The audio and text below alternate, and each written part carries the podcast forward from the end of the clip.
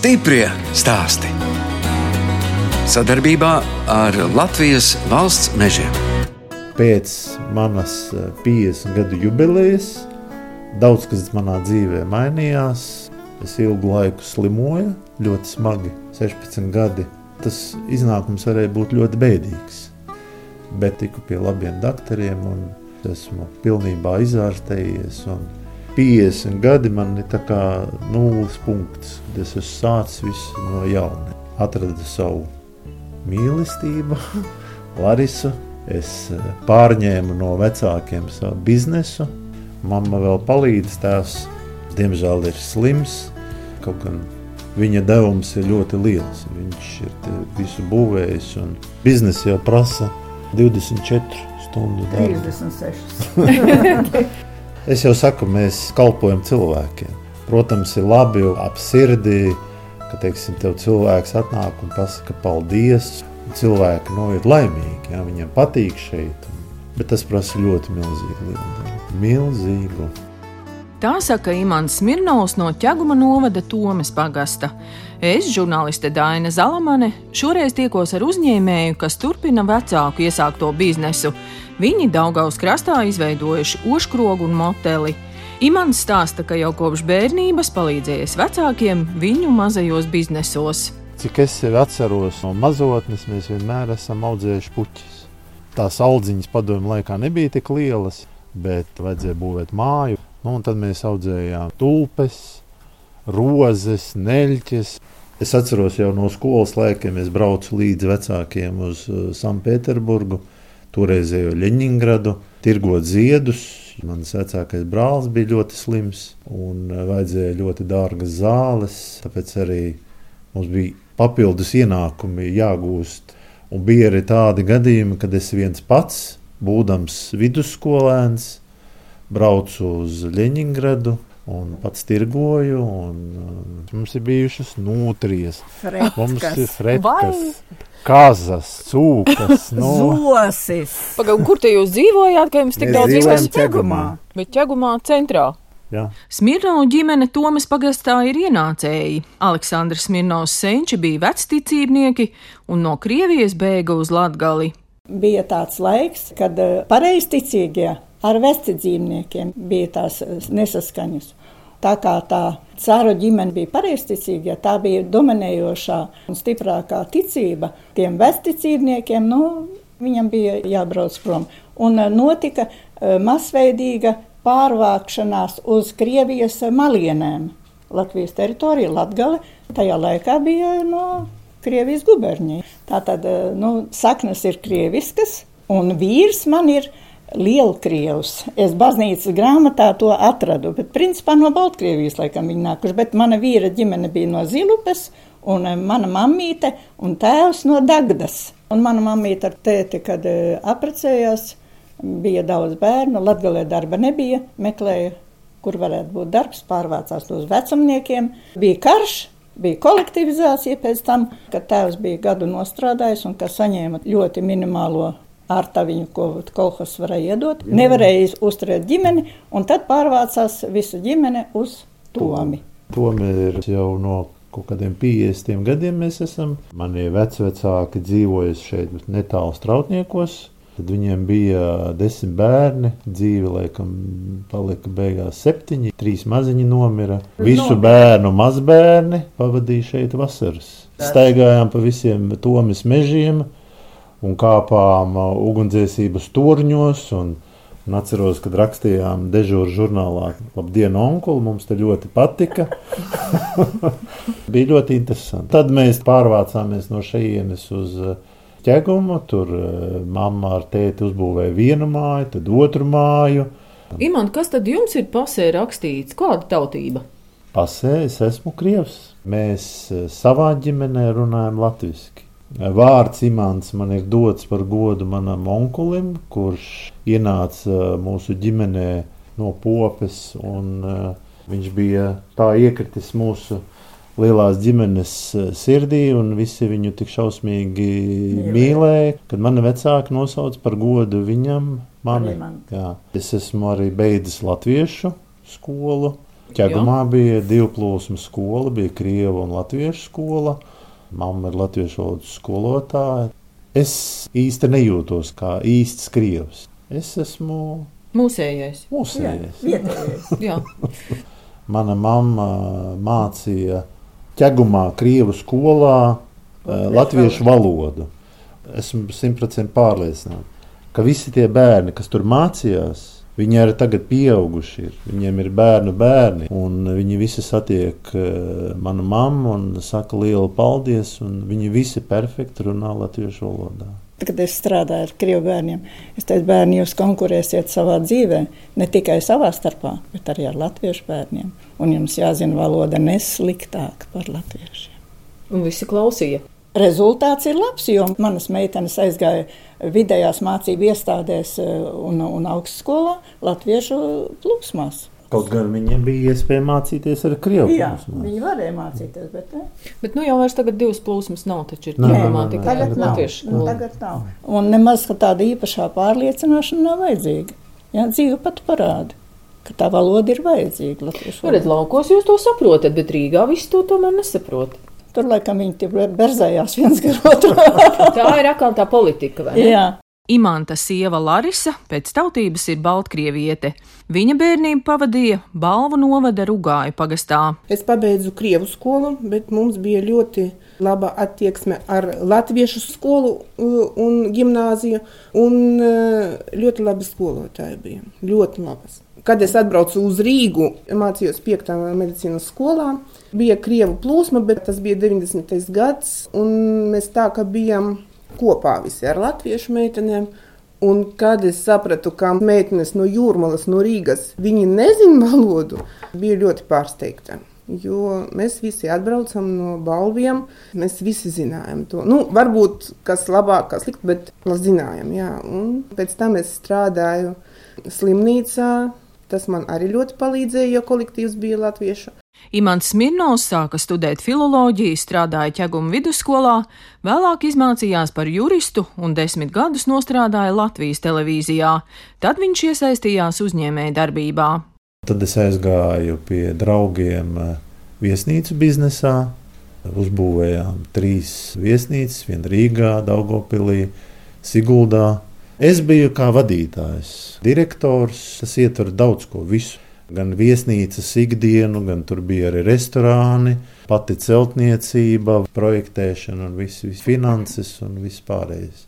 Kad eh, šis bizness beidzās, tad es vadīju medicīnas klīniku. Tā tad arī izveidojām no nulles, uzbūvējām un iekārtojām un, un palaidām darbā medicīnas klīniku. Stiprie stāsti.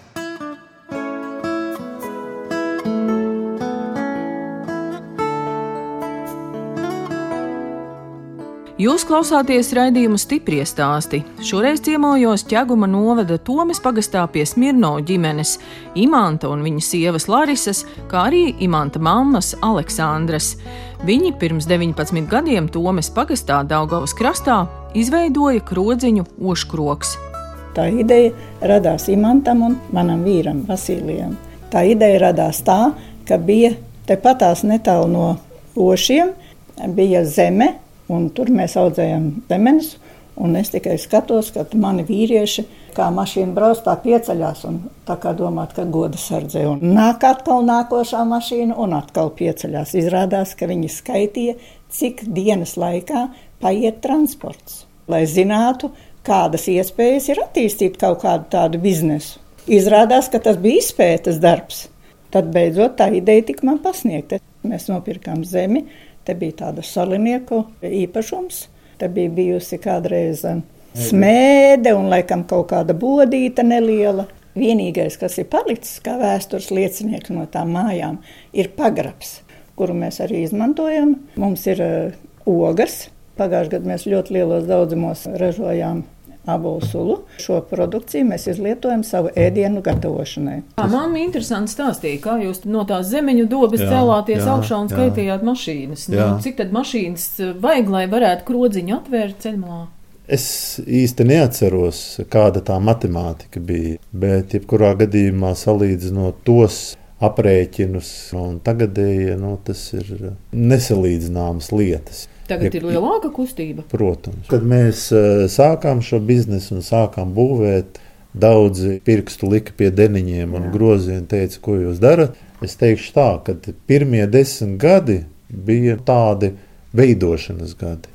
Lai pabeigtu krodziņu celtniecību, Smirnovu ģimenei nācās pārdot divas mājas ķegumā. Vecākais dēls saslima, viņam bija ļoti smaga diagnoze, un diemžēl mēs neizcīnījām to uzvaru pār to slimību, ja, un, un dēls nomira, bet viņam bija sapnis māja. Un, protams, ka tajā situācijā viņam bija liekēmija.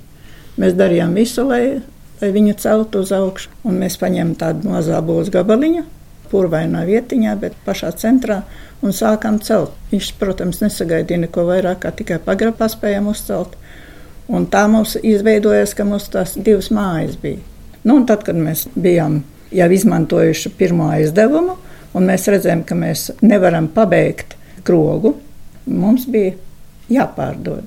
Un tad mēs pārdevām vienu, un tad pārdevām otru māju. Tā bija ļoti skaista. Ir žēl, protams, ka žēl. Arī tagad, kad mēs braucam garām tām mājām, ir tā, tā jocīga ap sirdi. Ja. Bet, nu, diemžēl, savienot to nevarēja nekādi. Saimnieks stāsta, ka sākumā gribējuši būvēt tikai bistro, bet tad sapratuši, ka nepieciešamas arī lielākas telpas svinībām un kāzām, bet viesiem vajadzīgas naktsmājas. Darbā lieti noderēja Imanta mammas iepriekšējā darba pieredze. Aleksandra Smirnova ne tikai 36 gadus bija skolotāja, viņa bija arī izpildu komitejas priekšsēdētāja. Jebkurš darbs rada kaut kādu informācijas plūsmu un, un pieredzi un darbā ar cilvēkiem. Tas bija tas galvenais. Ja, ja cilvēks aiziet apmierināts, tas ir to vērts, ka mēs strādājam. Ļoti nospiež nodokļus. Atceros to laiku, kad bija tāda mazāka nodokļa. Kaut kāda vieglāka dzīve bija. Sākumā cilvēki pie mums rindā stāvēja, lai rīkotu kāzas svinības, un bija piekdienās, sestdienās, svētdienās, un ļoti daudz bija. Pēc 2007. krīzes gadi, kad bija ļoti grūti. Bija arī ļoti grūti tad, kad bija ķeguma Hess tiltam liela rekonstrukcijas darbi un ilgu laiku tilts bija slēgts. Kādi apstākļi nevar ietekmēt jā, biznesu? Jā, jā, Viens tilts, jā, jā. kuru remontē jā, jau četrus gadus. Jā, diemžēl. Protams, mēs pārņemot šo biznesu, tagad piedāvājam arī izbraukuma pasākumu rīkošanu.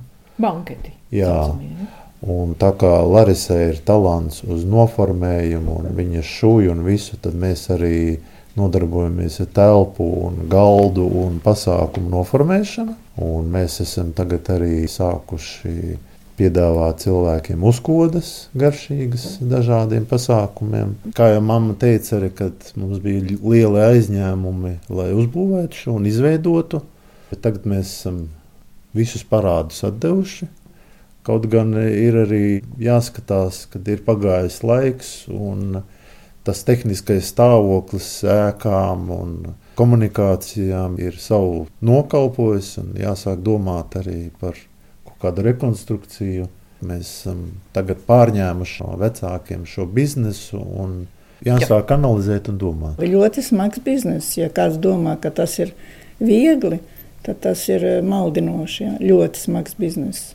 Es varu pateikt, jūs turaties pie tāda biznesa. Nu, bet, ja tu esi iegājis upē, tad tu nevari iziet ārā uzreiz sausām kājām. Te viss ir ieguldīts, visa mūsu dzīve ir ieguldīta. Ja? Mēs ar tēti visu savu dzīvi te esam atdevuši. Aleksandra, izstāstiet, tā kā jūs mūs sagaidījāt, bija jums apsiets priekšauts, ko tad jūs darījāt no rīta? No rīta es gatavoju brokastis viesnīcas cilvēkiem.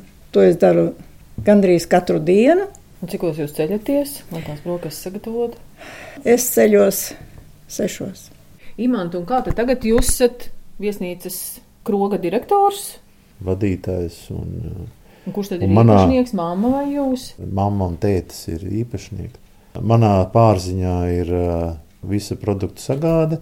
Protams, daudz ko mums piegādā firmas, bet ir ērtāk un citreiz izdevīgāk pašam aizbraukt uz, uz veikalu vai uz bāzi.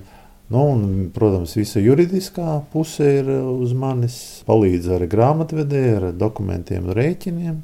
Larisa, nu tā kā jūs esat salīdzinoši nesen ienākuši šajā ģimenē, nu kā jums no malas izskatās šāds bizness? Tas laikam dzīvesveids. Jūs taču varētu arī pamest to savu darbu medicīnā. Dzirdam, cik mazas algas. Nē, es kādreiz jau pametu medicīnu, 15 gadiem, bet es atgriezos. Tā ir tomēr mana profesija, un man tas patīk. Es esmu gandarīta, ka es strādāju par medmāsu. Man augstākā izglītība ir bakalaura grāts pabeidzu Stradiņu universitāti un Latvijas universitāti. Un man negribētos pazaudēt to certifikātu. Bet jūs tādā tomēr diezgan smagā nozarē strādājat, tuberkulozes, plaušu slimības, nu, kas ilgi ir jārastē. Nu, jā, tas darbs man patīk. Citreiz Larisa nākot no darba arī kad asara viņai nobirst, jo kāds Pacients ir smagi slimojis vai aizgājis. Tā kā ļoti nu, smags darbs, ļoti psiholoģiski ļoti smags darbs. Bet, Lorijas, jūs atgriežaties mājās, un šeit jums jāstrādā vēl viena maiņa. nu, es saku, tas ir vairāk dzīvesveids. Tad griežos mājās, un es daru to, ko vajag. Un, protams, lielākais gandarījums ir par cilvēkiem. Es arī veidoju šim uzņēmumam Facebook lapu, ja, un tad, kad tu lasi šīs atsauksmes, un ka tev cilvēki speciāli no Rīgas, no citām Latvijas pilsētām brauc speciāli šejienu, paēst, pavadīt laiku, ja? tad laikam tas ir tas dzinulis un turētājs, kas tev neļauj pamest šo biznesu un pateikt, nē, viss pietiek. Ja? Nu, tā ir mūsu dzīve. Un mūsu darbs nav iedomājams pēc mūsu meitenēm. Bez Anitas, bez Sandras, Ilgas, Īnas, Vēsmas, Olgas, Lonijas, Sanitas un Agits. Nevienu neaizmirsāt. It kā nē, bet ja nu es esmu aizmirsus, lai viņas man piedod, ja es viņas visas ļoti novērtēju. Mēs runājam par ģimeni, bet tā ir tikai maza daļiņa no darba, ko mēs te ieliekam, jo mums ir kolosāls kolektīvs izveidojies. Bez tām meitenēm mēs nevarētu iztikt, bet viņas ir izveidojušās par speciālistēm tikai šeit, jo Visi pavāri, kas mums bijuši, neviens nav bijis izņemot rutiņu, kas eh, strādā. Pavārs, jā. Neviens, jā. Visi ir izauguši šeit. Un eh, mēs tam neesam kļūdījušies, jo cilvēki ir ļoti atbildīgi. Un... No kurienes jums darbinieki brauc? Vietējie, Tepat, visi vietējie. Gandrīz, jā, visi, gandrīz nu, visi vietējie. Mēs esam uh, Latvijas viducī, bet tā situācija šeit Tomas iedzīvotājiem nav tik viegla jo sabiedriskais transports iet divas vai trīs reizes dienā. Arī ne tajā izdevīgākajā laikā. Svētdienās vispār nav autobusu. Ja cilvēkam ir jāatrod darbs, tad eh, ķegumā diemžēl nav tur tik daudz iespējas. Tātad viņam jābrauc vai nu uz Ogru, vai nu uz Rīgu. Ja viņam vēl kaut kāds maiņu darbs, jeb kas, tad aizbraucot līdz ķegumam, viņam līdz tam mājām tie 5-6 km jāiet ar kājām. Tas ir tas pamats, jā, cilvēks. Ja cilvēks ir godīgs, ja viņš eh, pilda ļoti labi savu darbu, kādreiz pāri spēkam, jo mums pašlaik ir tā, ka mēs nevaram sūdzēties, ka mums būtu maz cilvēku. Sestdienās, svētdienās ir ļoti daudz cilvēku, tad meitenēm tiešām ir liela slodze. Un, diemžēl mums ir tāds darbs, tad, kad citi atpūšas, tad mēs strādājam. Tāpēc es eh, vēlreiz saku, mēs strādājam ar cilvēkiem un cilvēkiem. Stiprie stāsti!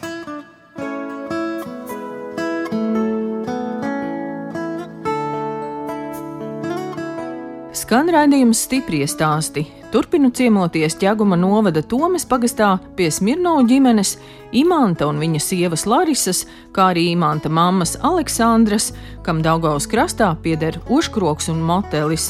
Imantam ir arī jaunāks brālis Igors, kas ar ģimeni dzīvo ķegumā un nodarbojas ar transporta pakalpojumu sniegšanu, bet Imants ar sievu Larisu dzīvo guļbaļķu pirtiņā blakus krodziņam. Šī ir pirts, kurā kādreiz notika saviesīgi pasākumi, bet mēs pārvērtām to par dzīvojumu māju. Dzīvojam šeit ar Larisu. Mamma ir tēti, ir blakus māja. Kopā mums ir septiņi hektāri, tā ka viss ir apdzīvots un sakopts. Koka māja ir koka māja.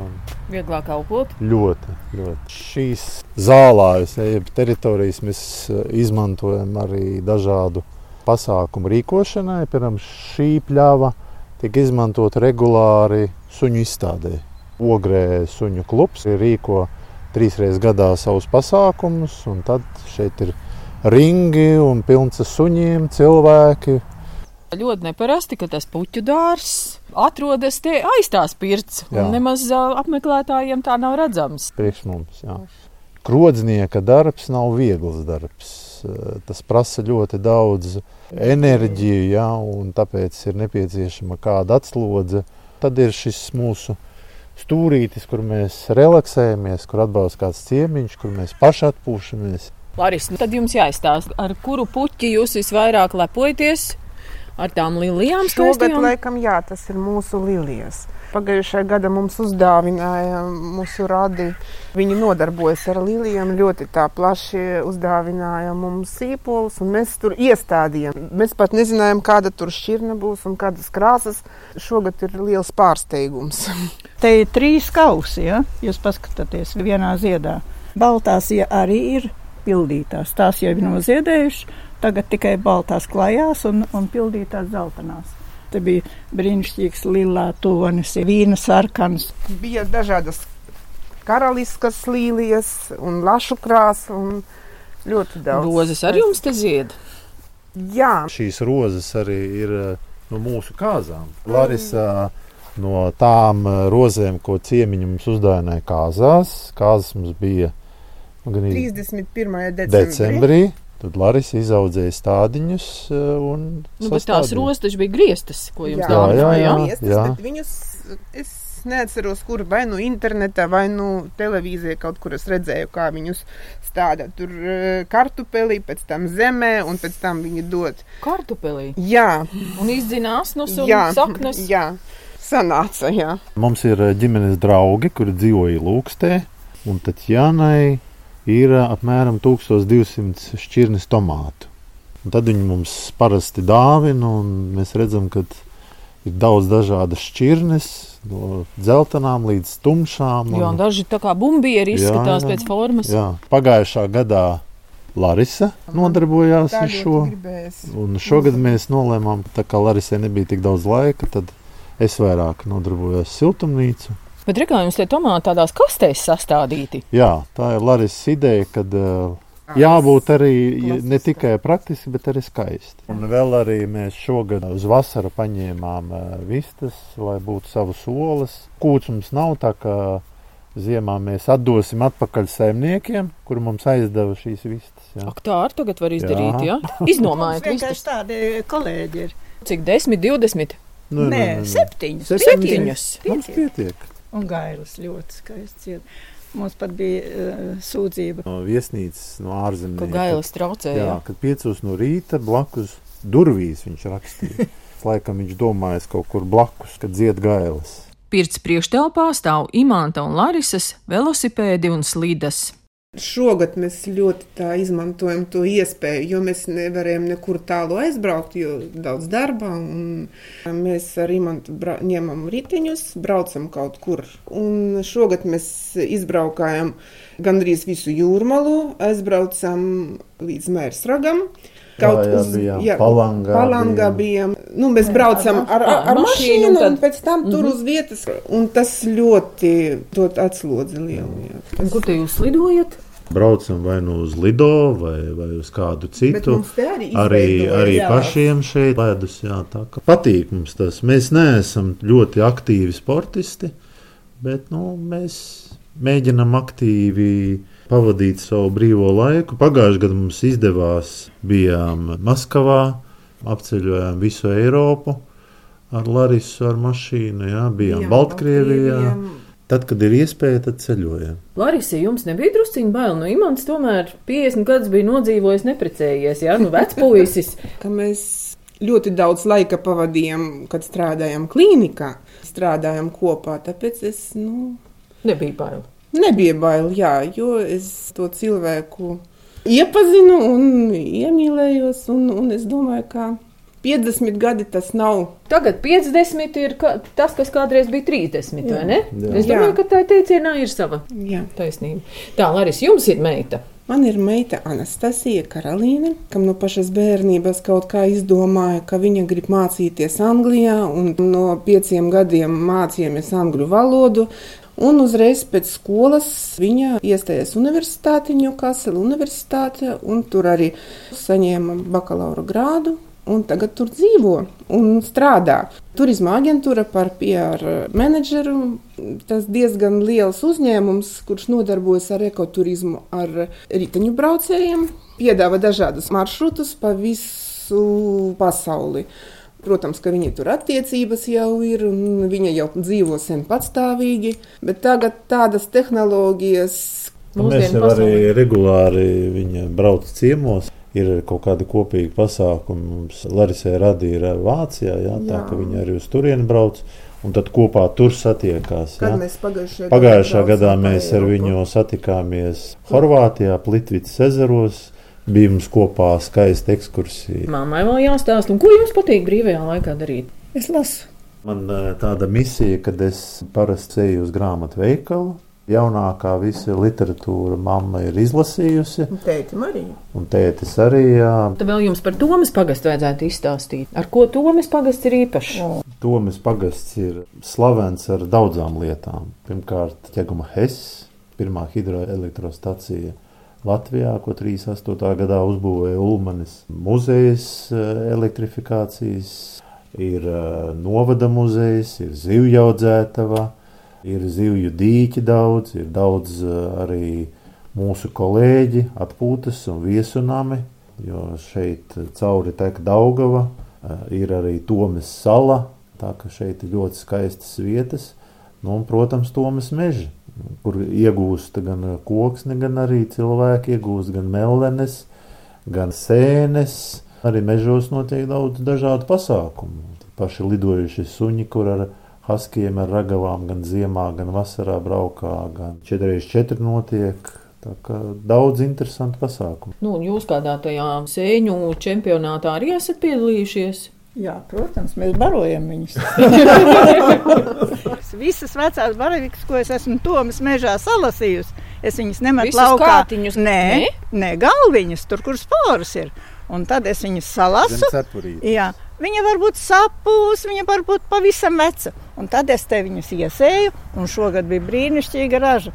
Katru dienu varēja iet un lasīt barīgas. Mums, starp citu, ir eh, pretī Valdemāra dīķi, un tur eh, notiek dažādas tās makšķernieku sacensības, kur eh, apmeklē ļoti daudz, vai no Ukrainas, no Skandināvijas, no Vācijas ir bijuši. Jūs zināt vispār, kā notiek tās sacensības? Nē, nav jausmas. Noķer, nosver un atlaiž. To ziltiņu. Jā, jā, jā, tā jā. ir tāda mode. Jā. Jā. Ķegumā notiek arī Zelta zirgs trasē pasaules čempionāti.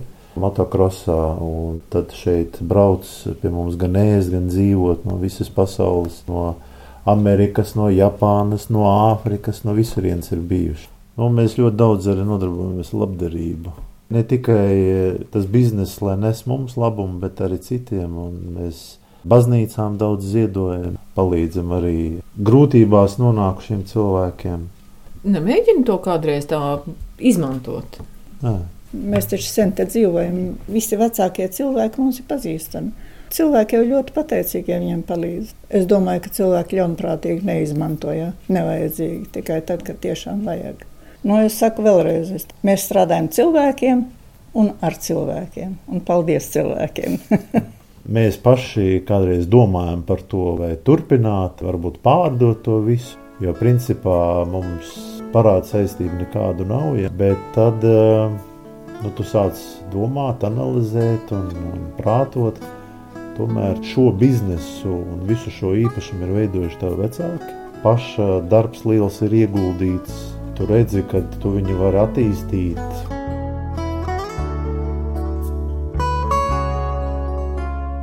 Radījums stipri stāst izskan, un es atvados no Smirnovu ģimenes. Divas dzimtas paudzes saimnieko Užkrogā un Motelī ķeguma novada Tomas pagastā Daugavas krastā. Krīzes laikā viņi pārdeva divas mājas ķegumā, lai varētu turpināt uzsākto biznesu.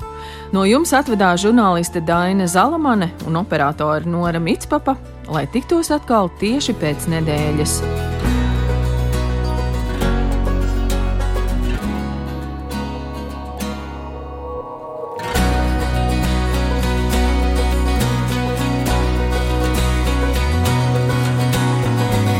Stiprie stāsti. Sadarbībā ar Latvijas valsts mežiem.